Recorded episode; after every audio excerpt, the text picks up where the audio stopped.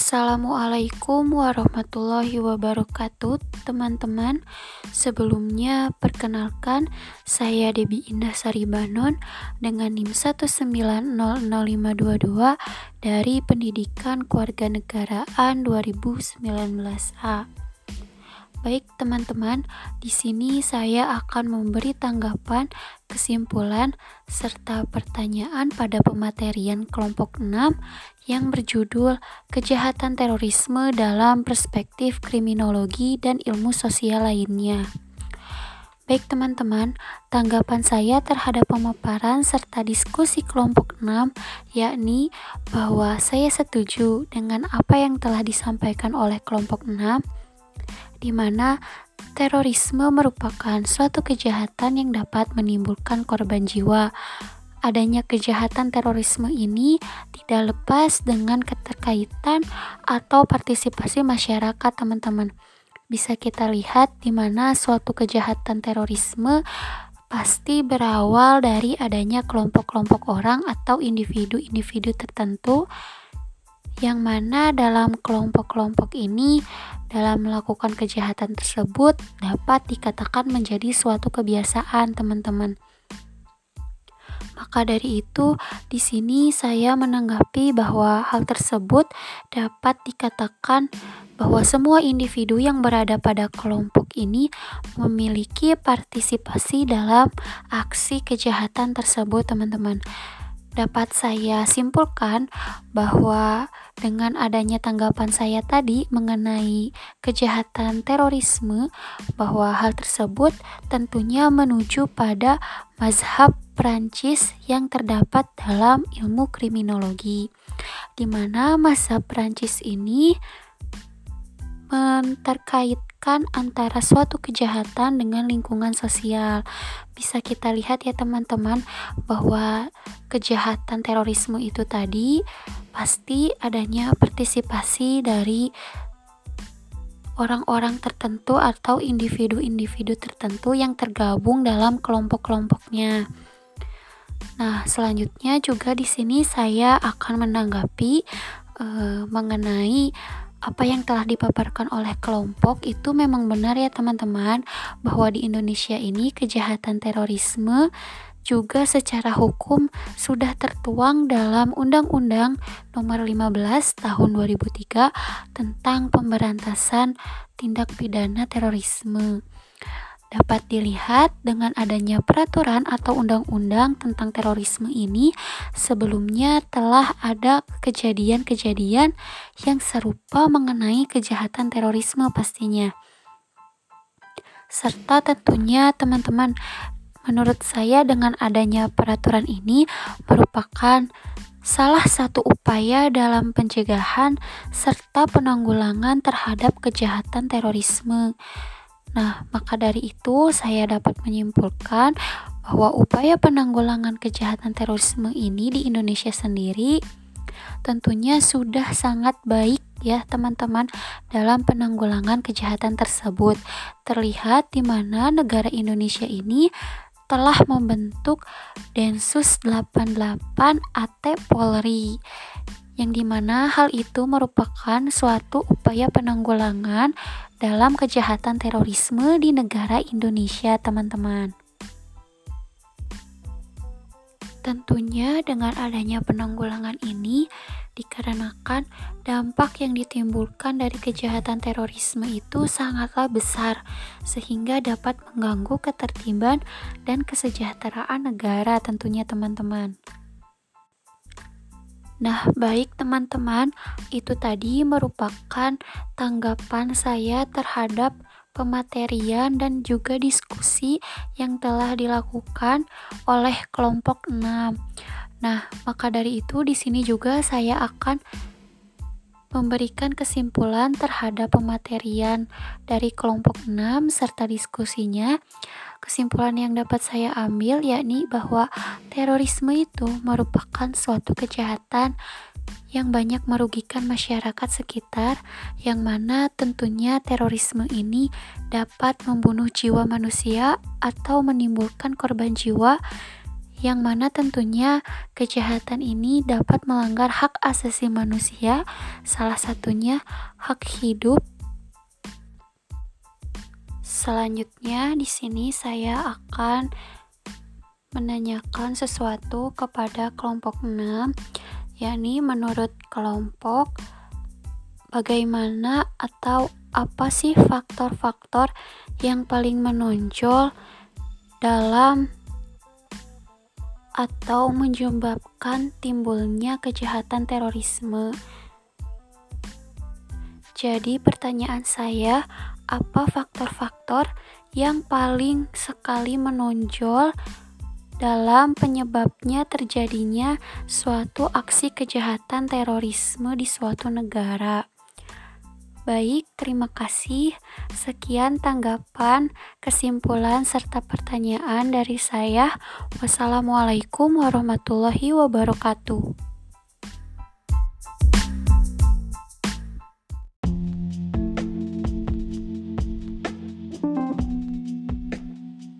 Assalamualaikum warahmatullahi wabarakatuh. Apa kabarnya, teman-teman? Selamat pagi, selamat siang, selamat sore, dan selamat malam. Sebelumnya, perkenalkan saya Debi Indah Saribanon dengan NIM 1900522 dari Pendidikan Kewarganegaraan 2019A akan mempresentasikan mengenai hasil resumbab saya tentang sumber dan riset online yang diambil dari buku yang berjudul Writing and Reporting News a Coaching Method. Yang mana dalam bab sumber dan riset online ini membahas mengenai bagaimana seorang jurnalis atau seorang reporter itu dapat memperoleh informasi-informasi dari berbagai sumber-sumber yang ada yang nantinya akan dijadikan sebagai bahan untuk membuat sebuah cerita. Nah, dalam bab sumber dan riset online ini pertama-tama dijelaskan mengenai sumber yang digunakan dalam sebuah cerita itu dapat diambil dari data berita yang sebelumnya telah dilakukan oleh stasiun televisi atau surat kabar sebelum-sebelumnya. Sehingga hal tersebut itu dapat memudahkan seorang jurnalis atau seorang reporter untuk mencari berita-berita sebelumnya mengenai topik-topik tertentu. Nah, selain itu juga dalam e, bab ini sumber yang digunakan suatu cerita itu dapat diambil dari internet, seperti dari situs jejaring sosial, blog, dan lain-lain sebagainya. Nah, langsung saja ya teman-teman.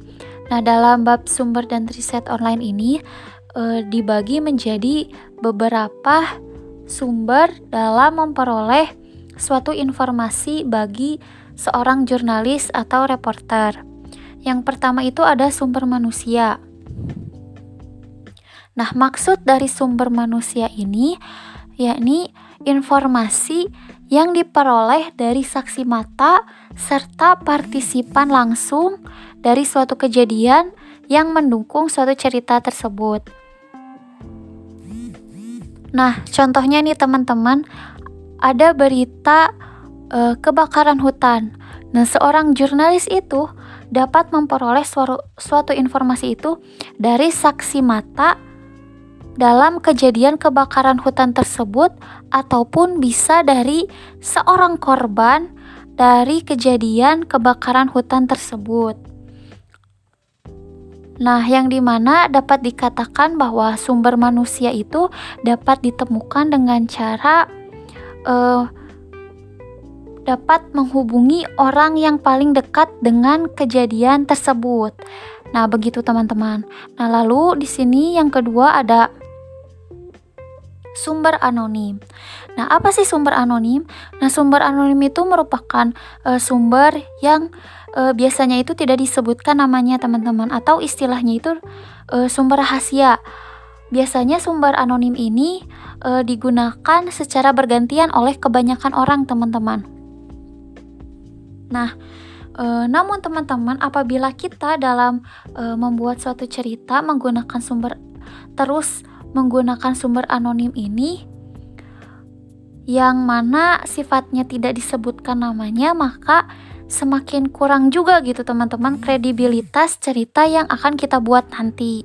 Karena e, dengan sumber anonim ini akan mempermudah dalam memanipulasi laporan e, suatu laporan yang e, disampaikan kepada kita teman-teman. Nah, lalu teman-teman, e, selanjutnya yang ketiga ada sumber multikultural. Nah, maksud dari sumber multikultural itu di mana suatu informasi itu dapat uh, diperoleh dari berbagai sudut pandang dalam artikel, foto, video, dan media lainnya, teman-teman. Nah, dalam hal ini bagaimana sih kita uh, dapat mengembangkan uh, sumber multikultural itu? Nah, hal tersebut itu terdapat uh, berbagai cara ya, teman-teman. Nah, salah satunya itu dengan menggunakan teknik perjodohan. Nah, yang di mana saat pada saat kita menghubungi salah seorang pemimpin, eh, maka kita mencoba untuk meminta mereka itu atau pemimpin itu untuk eh, menghubung menghubungkan kita dengan eh, anggota lain dari komunitas mereka gitu teman-teman. Nah itu salah satu caranya. Nah lalu selanjutnya di sini ada sumber tertulis.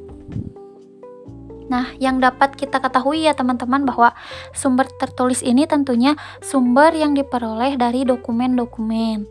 Nah, dalam bab ini itu dijelaskan bahwa sumber tertulis itu dapat e, diperoleh salah satunya dari e, perpustakaan. Nah, perpustakaan ini biasanya itu bisa dapat e, dari perpustakaan umum setempat ataupun perpustakaan perguruan tinggi yang mana bisa kita ketahui ya teman-teman terutama dalam perpustakaan perguruan tinggi itu dapat e, berisi sekali banyak bahan sumber-sumber untuk membantu kita dalam menemukan latar belakang tentang e, sebuah cerita yang nantinya akan dijadikan suatu referensi bagi kita gitu teman-teman. Selanjutnya yang kelima itu ada e, sumber online. Nah, dalam Bab ini dijelaskan bahwa Miller itu uh, dikatakan sebagai asisten editor teknologi di The New York Times yang menawarkan teknik yang dia gunakan untuk menentukan kredibilitas informasi itu uh, mengutamakan dua pilihan yakni yang pertama itu dari sumber pemerintah karena yang bersifat uh, resmi informasinya lalu yang kedua um, diambil dari studi universitas. Nah, mengapa demikian? Bisa kita juga lihat ya teman-teman bahwa hal utama yang dapat kita peroleh informasi itu dari uh, sumber pemerintah atau web pemerintah. Mengapa demikian? Karena dari website pemerintah itu tentunya informasi informasinya itu sudah resmi gitu, sudah valid intinya sudah terpercaya. Nah, lalu selanjutnya yang kedua itu kita dapat memperoleh dari uh, studi universitas. Mengapa demikian? Karena bisa kita ketahui ya teman-teman, studi universitas ini terdapat berbagai banyak eh, informasi-informasi dari berbagai sudut pandang yang ada. Nah, lalu uh, selanjutnya di sini ada bagaimana pencarian efektif dalam memperoleh informasi melalui sumber online.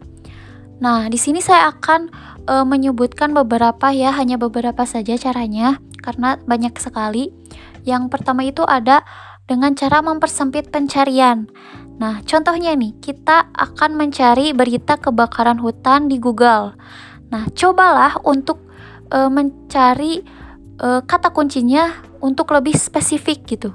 Jangan mencari seperti kebakaran hutan di Kalimantan, contoh. Nah, itu kan tidak spesifik ya teman-teman, itu secara umum. Nah, kita lebih spesifik lagi. Karena kan kebakaran hutan di Kalimantan itu banyak ada kebakaran hutan eh, tembakau, misalnya hutan kayu jati atau apa.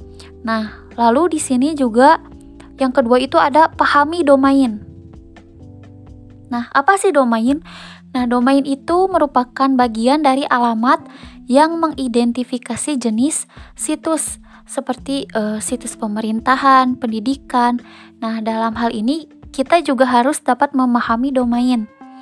Yaitu kita harus dapat uh, apa tujuan awal kita itu untuk uh, mencari informasi itu di situs mana dulu gitu teman-teman apakah pemerintah pendidikan atau apa gitu teman-teman nah lalu di sini ada menggunakan direktori jurnalisme nah dalam hal ini bisa saya uh, pahami gitu ya teman-teman bahwa maksud dari menggunakan direktori jurnalisme itu jadi kita menggunakan web-web yang uh, di dalamnya itu terdapat jurnal-jurnal, banyak jurnal-jurnal yang tentunya kita akan mendapatkan informasi-informasi yang banyak gitu teman-teman. Lalu juga selanjutnya bisa menggunakan situs jejaring sosial. Nah, contohnya itu seperti dari Facebook, YouTube, Instagram, dan lain-lainnya gitu. Yang mana tentunya hal tersebut itu dapat uh, memberikan informasi-informasi yang banyak bagi kita gitu teman-teman. Nah, lalu selanjutnya ada sumber catatan publik. Nah, dalam bab ini dikatakan bahwa catatan publik yang dimaksud yaitu itu seperti catatan pemerintahan. Seperti data dari lembaga negara, eh, lokal maupun bagian gitu, teman-teman.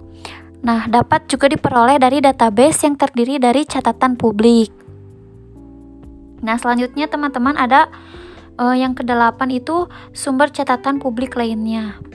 Nah, catatan publik lainnya itu dalam bab ini dikatakan seperti catatan pengadilan. Nah, yang berisi mengenai pengajuan dalam uh, sebuah kasus pengadilan perdata ataupun pidana. Nah, lalu ada catatan polisi yang berisi mengenai laporan tindak pidana, statistik kejahatan, laporan kecelakaan, dan lain-lain. Nah, selanjutnya teman-teman dalam bab sumber dan riset online ini juga terdapat subbab yang menjelaskan mengenai Undang-Undang Kebebasan Informasi. Nah, dalam hal ini dikatakan dalam buku itu bahwa Undang-Undang Kebebasan Informasi itu didirikan oleh Kongres pada tahun 1966 untuk membuat catatan federal tersedia untuk umum, yang tersedia untuk umum. Nah, Hal ini hanya berlaku untuk dokumen federal saja. Nah, selain itu, tindakan tersebut memungkinkan beberapa pengecualian yang melarang rilis dokumen, teman-teman. Nah, catatan yang diklasifikasikan oleh pemerintah karena pembebasannya akan membahayakan pertahanan nasional atau kebijakan luar negeri dikecualikan. Begitu juga dengan kebijakan internal tertentu dan masalah personel di lembaga federal. Nah, sekian teman-teman pemaparan dari saya.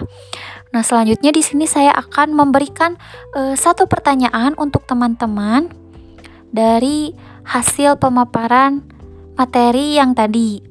Nah,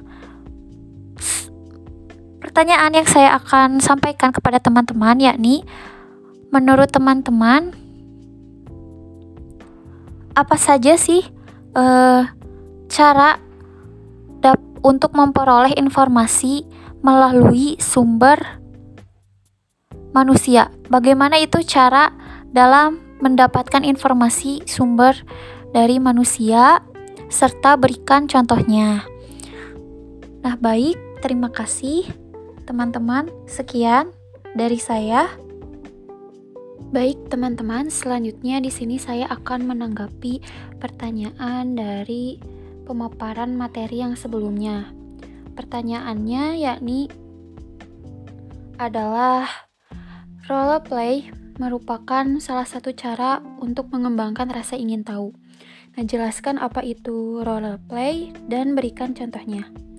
Nah, dari uh, hal ini saya akan menanggapi yang saya dapat bahwa role play itu merupakan teknik uh, salah satu teknik untuk mengembangkan rasa ingin tahu kita terhadap suatu cerita atau berita yang dapat menarik perhatian kita sendiri teman-teman. Nah, yang di mana suatu berita atau cerita itu yang dapat menarik perhatian kita itu akan menimbulkan rasa keingintahuan yang tinggi yang kita rasakan. Contohnya, nih, contoh dari rasa keinginan tahuan kita terhadap berita tersebut. Contohnya ada e, kebakaran hotel.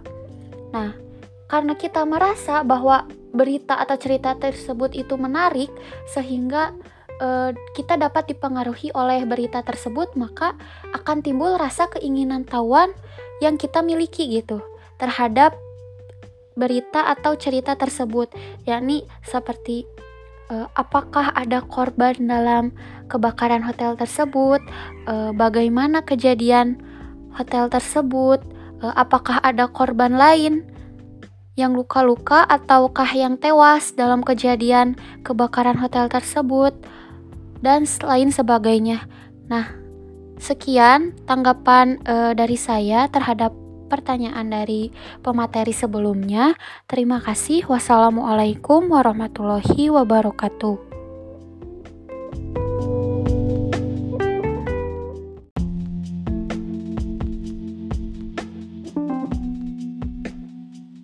Assalamualaikum warahmatullahi wabarakatuh. Apa kabarnya, teman-teman? Selamat pagi, selamat siang, selamat sore, dan selamat malam.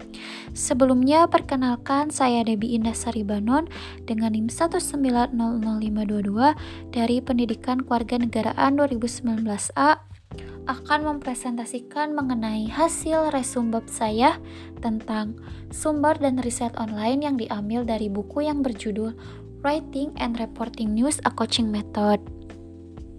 Yang mana dalam bab sumber dan riset online ini membahas mengenai bagaimana seorang jurnalis atau seorang reporter itu dapat memperoleh informasi-informasi dari berbagai sumber-sumber yang ada yang nantinya akan dijadikan sebagai bahan untuk membuat sebuah cerita. Nah, dalam bab sumber dan riset online ini pertama-tama dijelaskan mengenai sumber yang digunakan dalam sebuah cerita itu dapat diambil dari data berita yang sebelumnya telah dilakukan oleh stasiun televisi atau surat kabar sebelum-sebelumnya. Sehingga hal tersebut itu dapat memudahkan seorang jurnalis atau seorang reporter untuk mencari berita-berita sebelumnya mengenai topik-topik tertentu. Nah, selain itu juga dalam e, bab ini sumber yang digunakan suatu cerita itu dapat diambil dari internet, seperti dari situs jejaring sosial, blog, dan lain-lain sebagainya. Nah, langsung saja ya teman-teman. Nah, dalam bab sumber dan riset online ini e, dibagi menjadi beberapa sumber dalam memperoleh suatu informasi bagi seorang jurnalis atau reporter. Yang pertama itu ada sumber manusia. Nah, maksud dari sumber manusia ini yakni informasi yang diperoleh dari saksi mata serta partisipan langsung dari suatu kejadian yang mendukung suatu cerita tersebut. Nah, contohnya nih teman-teman, ada berita e, kebakaran hutan.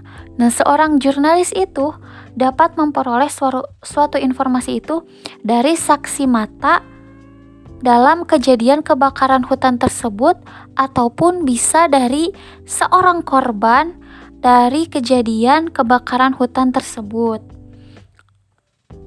Nah, yang di mana dapat dikatakan bahwa sumber manusia itu dapat ditemukan dengan cara uh, dapat menghubungi orang yang paling dekat dengan kejadian tersebut. Nah, begitu teman-teman. Nah, lalu di sini yang kedua ada sumber anonim. Nah, apa sih sumber anonim?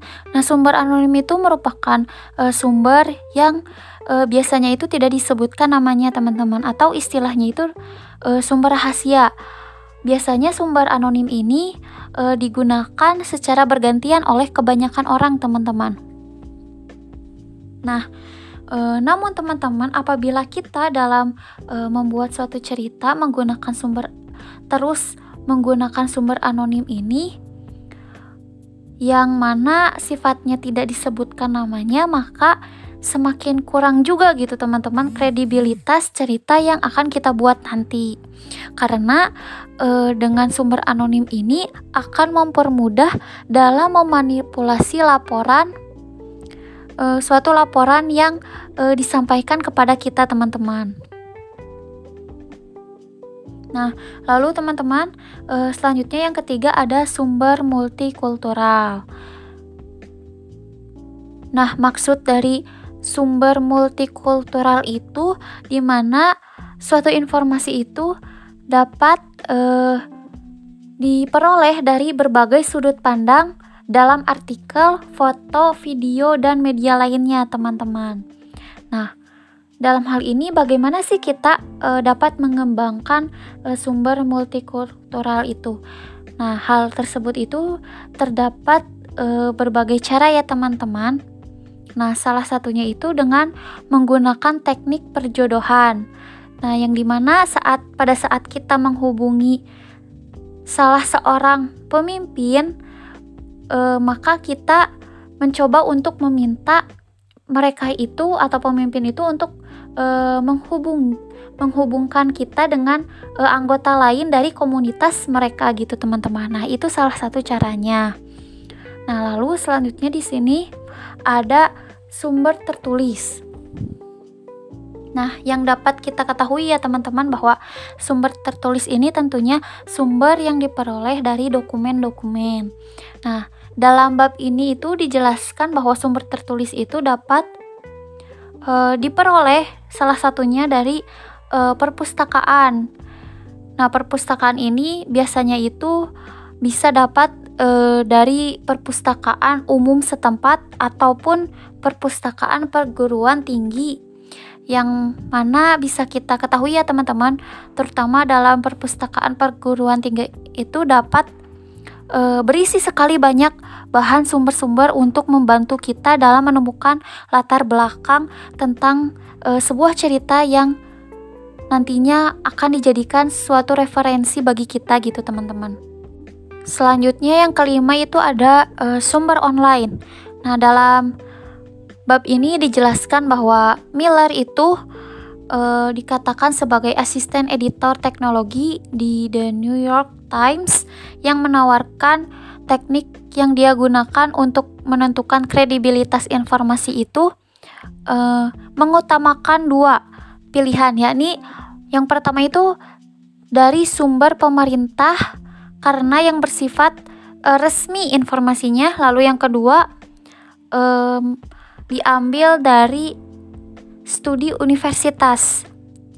Nah, mengapa demikian bisa kita juga lihat ya teman-teman bahwa hal utama yang dapat kita peroleh informasi itu dari uh, sumber pemerintah atau web pemerintah. Mengapa demikian? Karena dari website pemerintah itu tentunya informasi informasinya itu sudah resmi gitu, sudah valid intinya. Sudah terpercaya. Nah, lalu selanjutnya yang kedua itu kita dapat memperoleh dari uh, studi universitas. Mengapa demikian? Karena bisa kita ketahui ya teman-teman, studi universitas ini terdapat berbagai banyak uh, informasi-informasi dari berbagai sudut pandang yang ada. Nah, lalu uh, selanjutnya di sini ada bagaimana pencarian efektif dalam memperoleh informasi melalui sumber online. Nah, di sini saya akan e, menyebutkan beberapa ya, hanya beberapa saja caranya karena banyak sekali. Yang pertama itu ada dengan cara mempersempit pencarian. Nah, contohnya nih, kita akan mencari berita kebakaran hutan di Google. Nah, cobalah untuk e, mencari e, kata kuncinya untuk lebih spesifik gitu. Jangan mencari seperti kebakaran hutan di Kalimantan, contoh. Nah, itu kan tidak spesifik ya teman-teman itu secara umum. Nah, kita lebih spesifik lagi karena kan kebakaran hutan di Kalimantan itu banyak ada kebakaran hutan e, tembakau, misalnya hutan kayu jati atau apa. Nah, lalu di sini juga yang kedua itu ada pahami domain. Nah, apa sih domain? Nah, domain itu merupakan bagian dari alamat yang mengidentifikasi jenis situs seperti uh, situs pemerintahan, pendidikan. Nah, dalam hal ini kita juga harus dapat memahami domain. Yaitu kita harus dapat uh, apa tujuan awal kita itu untuk uh, mencari informasi itu di situs mana dulu gitu teman-teman? Apakah pemerintah pendidikan atau apa gitu teman-teman? Nah lalu di sini ada menggunakan direktori jurnalisme. Nah dalam hal ini bisa saya uh, pahami gitu ya teman-teman bahwa maksud dari menggunakan direktori jurnalisme itu jadi kita menggunakan web-web yang uh, di dalamnya itu terdapat jurnal-jurnal, banyak jurnal-jurnal yang tentunya kita akan mendapatkan informasi-informasi yang banyak gitu teman-teman. Lalu juga selanjutnya bisa menggunakan situs jejaring sosial. Nah, contohnya itu seperti dari Facebook, YouTube, Instagram, dan lain-lainnya gitu. Yang mana tentunya hal tersebut itu dapat uh, memberikan informasi-informasi yang banyak bagi kita gitu teman-teman. Nah lalu selanjutnya ada sumber catatan publik. Nah dalam bab ini dikatakan bahwa catatan publik yang dimaksud ya itu seperti catatan pemerintahan, seperti data dari lembaga negara, e, lokal maupun bagian gitu teman-teman. Nah dapat juga diperoleh dari database yang terdiri dari catatan publik. Nah selanjutnya teman-teman ada uh, yang kedelapan itu sumber catatan publik lainnya. Nah, catatan publik lainnya itu dalam bab ini dikatakan seperti catatan pengadilan. Nah, yang berisi mengenai pengajuan dalam uh, sebuah kasus pengadilan perdata ataupun pidana. Nah, lalu ada catatan polisi yang berisi mengenai laporan tindak pidana, statistik kejahatan, laporan kecelakaan, dan lain-lain. Nah, selanjutnya teman-teman dalam bab sumber dan riset online ini juga terdapat subbab yang menjelaskan mengenai Undang-Undang Kebebasan Informasi. Nah, dalam hal ini dikatakan dalam buku itu bahwa Undang-Undang Kebebasan Informasi itu didirikan oleh Kongres pada tahun 1966 untuk membuat catatan federal tersedia untuk umum, yang tersedia untuk umum. Nah, Hal ini hanya berlaku untuk dokumen federal saja. Nah, selain itu, tindakan tersebut memungkinkan beberapa pengecualian yang melarang rilis dokumen, teman-teman.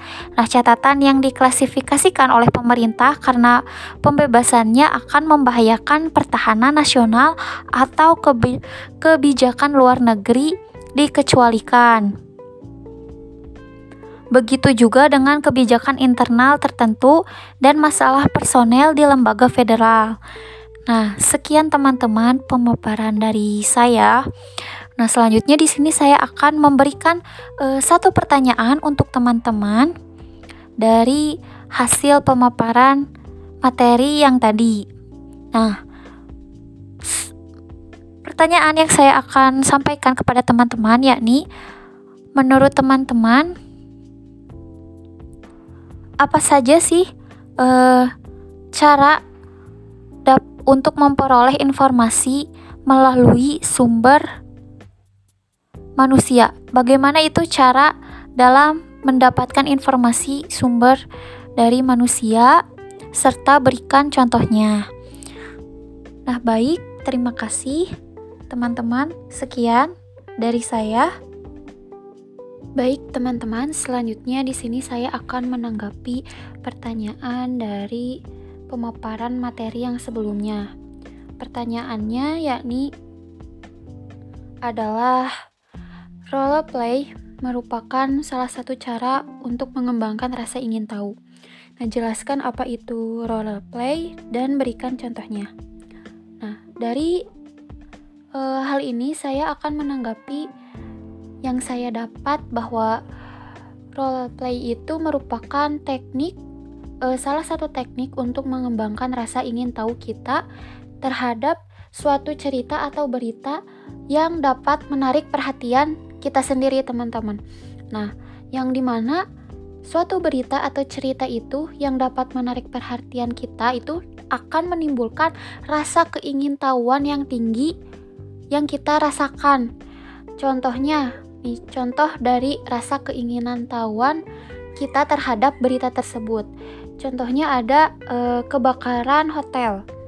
Nah, karena kita merasa bahwa berita atau cerita tersebut itu menarik sehingga e, kita dapat dipengaruhi oleh berita tersebut, maka akan timbul rasa keinginan tahuan yang kita miliki gitu terhadap berita atau cerita tersebut, yakni seperti uh, apakah ada korban dalam kebakaran hotel tersebut, uh, bagaimana kejadian hotel tersebut, uh, apakah ada korban lain yang luka-luka ataukah yang tewas dalam kejadian kebakaran hotel tersebut? Dan lain sebagainya. Nah, sekian tanggapan uh, dari saya terhadap pertanyaan dari pemateri sebelumnya. Terima kasih. Wassalamualaikum warahmatullahi wabarakatuh.